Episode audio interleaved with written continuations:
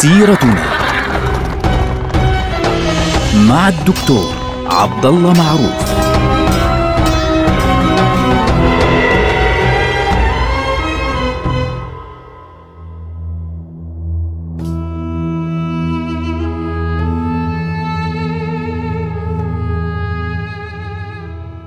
السلام عليكم ورحمة الله وبركاته. سيرتنا سيرة هذه الأمة ونحن الآن في نهاية عهد الدولة العثمانية. في حلقات ماضية تكلمنا عن الانتداب البريطاني والفرنسي على المناطق التي كانت تتبع الدولة العثمانية وأيضا احتلال المناطق التركية اللي هي منطقة الأناضول وإسطنبول طبعا على رأسها عاصمة الدولة العثمانية في ذلك الوقت مما أدى إلى انطلاق حرب الاستقلال التركية التي كانت في ذلك الوقت بقيادة مصطفى كمال اللي هي الحملة الوطنية التي أعلنت ابتداء من التاسع عشر من مايو من عام 1919 من مدينة سامسون التركية التي وصلها. مصطفى كمال في ذلك الوقت واستمرت حتى إقامة الدولة التركية الحديثة. طبعا هذه الحرب حرب الاستقلال استمرت حتى الرابع والعشرين من شهر يوليو اللي هو شهر سبعة من عام 1923 هذا التاريخ حدثت فيه حادثة مهمة وهي توقيع معاهدة لوزان. معاهدة لوزان هي المعاهدة التي أنهت هذه الحرب وأسست لظهور الدولة التركية أو الجمهورية التركية الحديثة في ذلك الوقت. طبعا خلال هذه الحرب حرب الاستقلال في عام 1922 بعد سنتين من تأسيس الحكومة حكومة أنقرة في ذلك الوقت اللي هي الحكومة التي تتبع الحركة القومية التركية التي كان يقودها فعليا اللي هو الثوار طبعا أقصد بذلك مصطفى كمال هذه الحكومة قررت أن تنقل الحكم فعليا إلى داخل أنقرة بدلا من إسطنبول التي كانت تحت الاحتلال في ذلك الوقت والسلطان رفض أن يتنازل عن منصبه كحاكم في عام 1922 فاضطر السلطان محمد وحيد الدين بعد إعلان إنهاء سلطنته يعني عزله عن السلطنة. أقصد لا عزله هو شخصيا وإنما عزل فكرة السلطنة والفصل بين السلطنة كحاكم ملك وبين الخلافة كمنصب شرفي ديني في ذلك الوقت استقال السلطان محمد وحيد الدين. وتنازل عن منصب الخلافة إلى عبد المجيد أفندي الذي استلم منصب الخلافة من عام 1922 طبعا حتى عام 1924 الذي يهمنا طبعا عبد المجيد أفندي في ذلك الوقت يلقب في بعض يعني بعض الكتب تقول عبد المجيد الثاني لكنه عادة في الأدبيات التركية يطلق عليه عبد المجيد أفندي ابن السلطان عبد العزيز أثناء وجود هذا الرجل في الحكم من عام 1922 كانت الحرب على أشدها فعليا وكانت القوات قوات الحلفاء تتراجع ودخلت حكومة أنقرة هذه الحكومة التي تشكل فعليا الحركة الوطنية التي دخلت في الحرب حرب الاستقلال ضد دول الحلفاء ودول الحلفاء من ناحية أخرى دخلوا في تواصل ومفاوضات لكي يصلوا بالدرجة النهائية إلى معاهدة. وهذه المعاهدة هي المعروفة اليوم باسم معاهدة لوزان. على فكرة معاهدتان مرتا على التاريخ الإسلامي اسمه معاهدة لوزان. معاهدة لوزان الأولى اللي هي كانت يعني قديمة كانت بين الدولة العثمانية من ناحية وإيطاليا من ناحية أخرى. هذه معاهدة قديمة ليس لها علاقة أبدا بالحرب العالمية الأولى. ومعاهدة لوزان الثانية هي التي نقصدها بالفعل. هذه المعاهدة كانت معاهدة سلام تم توقيعها في منطقة لوزان في سويسرا. وبموجب هذه المعاهدة في الرابع والعشرين من يوليو تموز عام 1923 تم تسوية أوضاع منطقة تركيا الحديثة هي منطقة الأناضول وما يسمى بتراكيا. تراكيا هو القسم الأوروبي من تركيا اللي هو ما بين القسم الغربي من آه إسطنبول اللي هو من عند مضيق البوسفور حتى حدود آه إدرنة مع آه بلغاريا من ناحية واليونان من ناحية أخرى. هذا القسم الأوروبي يسمى تراكيا والمنطقة كلها الأناضول وتراكيا ستصبح الآن دولة حديثة. طبعا سبب الدخول في هذه المفاوضات التي أدت إلى معاهدة لوزان من ناحية الحركة القومية والجمعية الوطنية العليا اللي كانت تشكلها الحركة القومية التركية بقيادة طبعا مصطفى كمال. سبب الدخول في هذه المعاهدة كان رفضهم فعليا لمعاهدة سيفر التي ذكرناها في حلقات ماضية. طبعا معاهدة سيفر كانت الجمعية الوطنية قد أبطلت حتى الجنسية العثمانية من الشخصيات التي وقعت عليها لأنها كانت تعتبر استسلاما فعليا. ومن قبلها طبعا آه، المعاهدة التي سبقتها اللي هي آه، هدنة آه، مدروس. هذه الهدنة ثم معاهدة سيفر كانت تعتبر في النهاية استسلاما للدولة العثمانية. فتم الدخول في مفاوضات جديدة لكي يتم إبطال هذه المعاهدة معاهدة سيفر.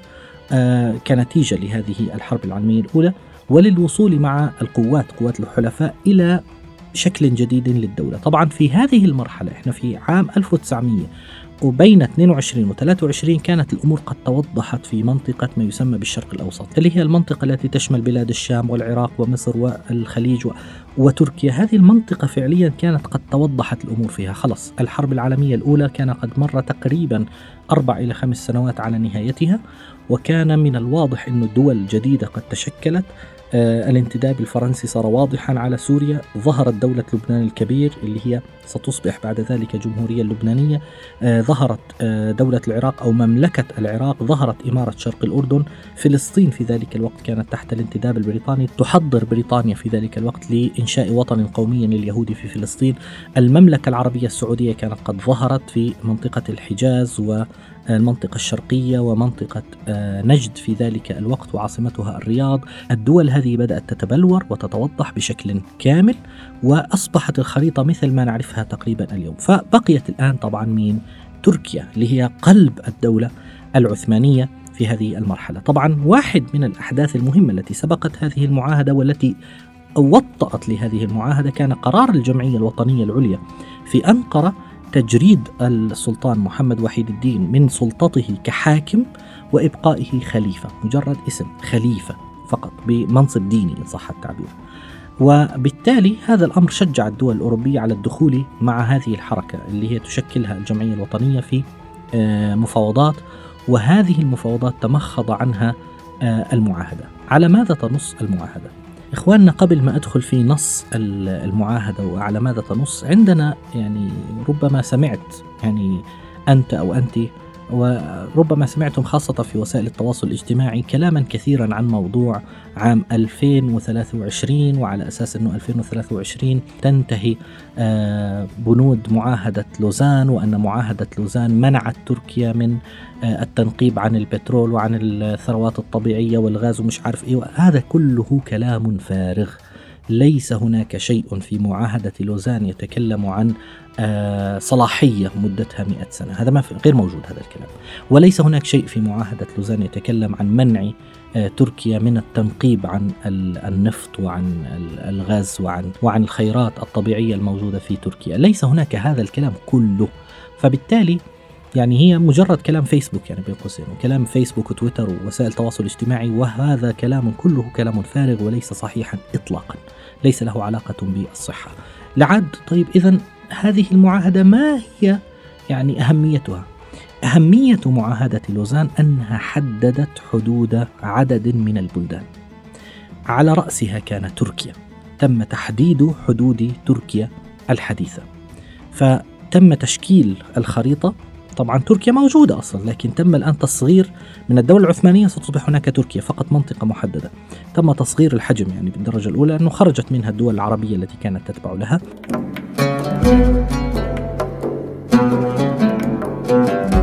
فتم تحديد حدودها إنه والله من كذا إلى كذا إلى كذا إلى كذا. حتى إنه كان في حديث عن الموصل إنه هل الموصل ستكون جزءا أم لا. في النهاية الموصل طبعا صارت تابعة للعراق. إضافة إلى ذلك اليونان تم تحديد حدودها. أخرجت اليونان من إزمير بالقوة وبلغاريا تم تحديد حدودها. المناطق الأخرى اللي هي منطقة مصر السودان العراق سوريا. كل هذه البقاع تم تحديد حدودها بالتفصيل في معاهدة لوزان الثانية. وفي نص من نصوص معاهدة لوزان تنازلت تركيا الحديث عن امتيازاتها وعن ما تملكه في ليبيا في ذلك الوقت. وبالتالي هذه المناطق كلها تم إعادة ترسيم حدودها بالكامل وأصبحت شكل الخريطة الذي نعرفه اليوم هو الشكل النهائي للدولة التركية الحديثة. فبالتالي للعلم نص آه، الاتفاقية الكاملة اللي هي اتفاقية لوزان موجود. يعني بإمكانك أن تقرأه بالكامل. هو موجود باللغة الإنجليزية على الإنترنت. ويمكنك قراءة النص بالكامل وستجد هناك أنه لا وجود إطلاقا لشيء اسمه منع آه، تركيا الحديثة من آه، الاستيراد أو منعها من التنقيب عن عن الخامات الطبيعية مثل النفط والغاز وغيره، لا يوجد شيء اسمه آه، والله صلاحية هذه الاتفاقية تمتد إلى 100 سنة، هذا كله كلام فارغ غير صحيح ولا أصل له اطلاقا. لكن الذي يهمنا في هذه المعاهدة أنها حددت حدود هذه الدول بالكامل خاصة آه، تركيا الحديثة، طبعا في ذلك الوقت تركيا لم تكن جمهورية. كانت تركيا في ذلك الوقت عبارة عن دولة يعني ما بين الدولة العثمانية والدولة التركية لكن كانت تسمى في ذلك الوقت تركيا. كانت تسمى تركيا وفي هذه المعاهدة بالذات كان يطلق عليها تركيا. يعني هذه المعاهدة موجودة على بين أطراف يعني مذكور أنه الأطراف كالتالي. مذكور أنه الطرف الأول هو الإمبراطورية البريطانية The British Empire هكذا مكتوب. فرنسا إيطاليا اليابان اليونان رومانيا ودولة الصرب والكروات والسلوفين يعني دولة صربيا كرواتيا سلوفينيا الجديدة. ومن الناحية الأخرى على الطرف الآخر ماذا مكتوب؟ مكتوب تركيا فقط تركي. فهذا النص هذه النصوص طبعا التي تتكون منها الاتفاقية كلها تنص على الحدود بالدرجة الأولى وتنص على التزامات تركيا في هذه الفترة. طبعا عدد المواد لهذه الاتفاقية فعليا هي 143 مادة. 143 مادة تحدد كل ما يعني سيكون لمستقبل هذه البلاد ومستقبل هذه الدولة وكيفية تعامل هذه الدولة مع الأرشيف مع النظام القضائي مع الحدود مع الجيران مع البريطانيين مع الفرنسيين مع الدول العربية التي كانت تتبع لها مع اليونان بالدرجة الأولى. كل هذا مذكور في هذه البنود الطويلة فهي معاهدة طويلة ليست معاهدة قصيرة. ويمكنك بكل بساطة أن آه، تشاهد نصوصها على الإنترنت يعني بالدرجة الأولى باللغة الإنجليزية هي متوفرة بشكل كبير.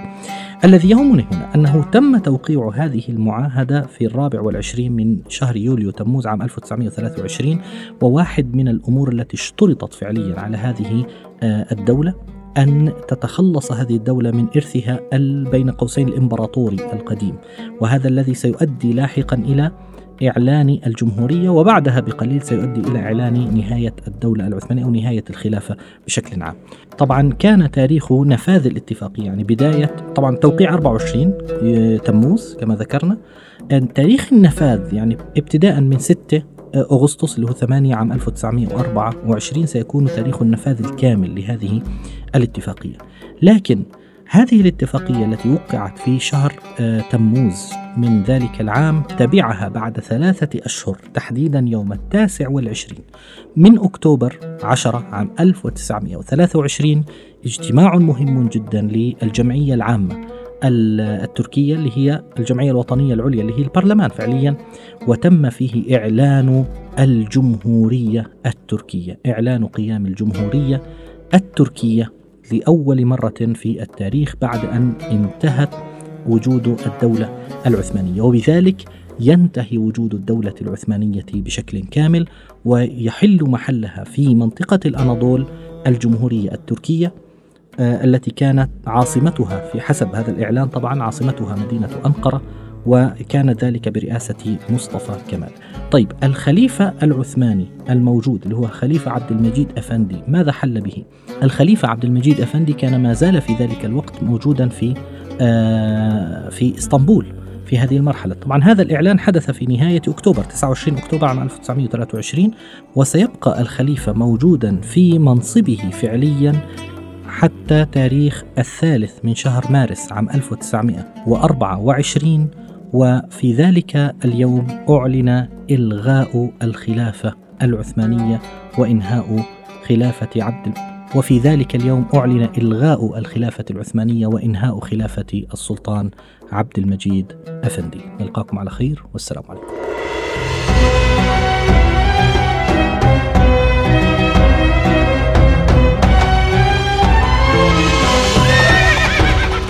سيرتنا مع الدكتور عبد الله معروف.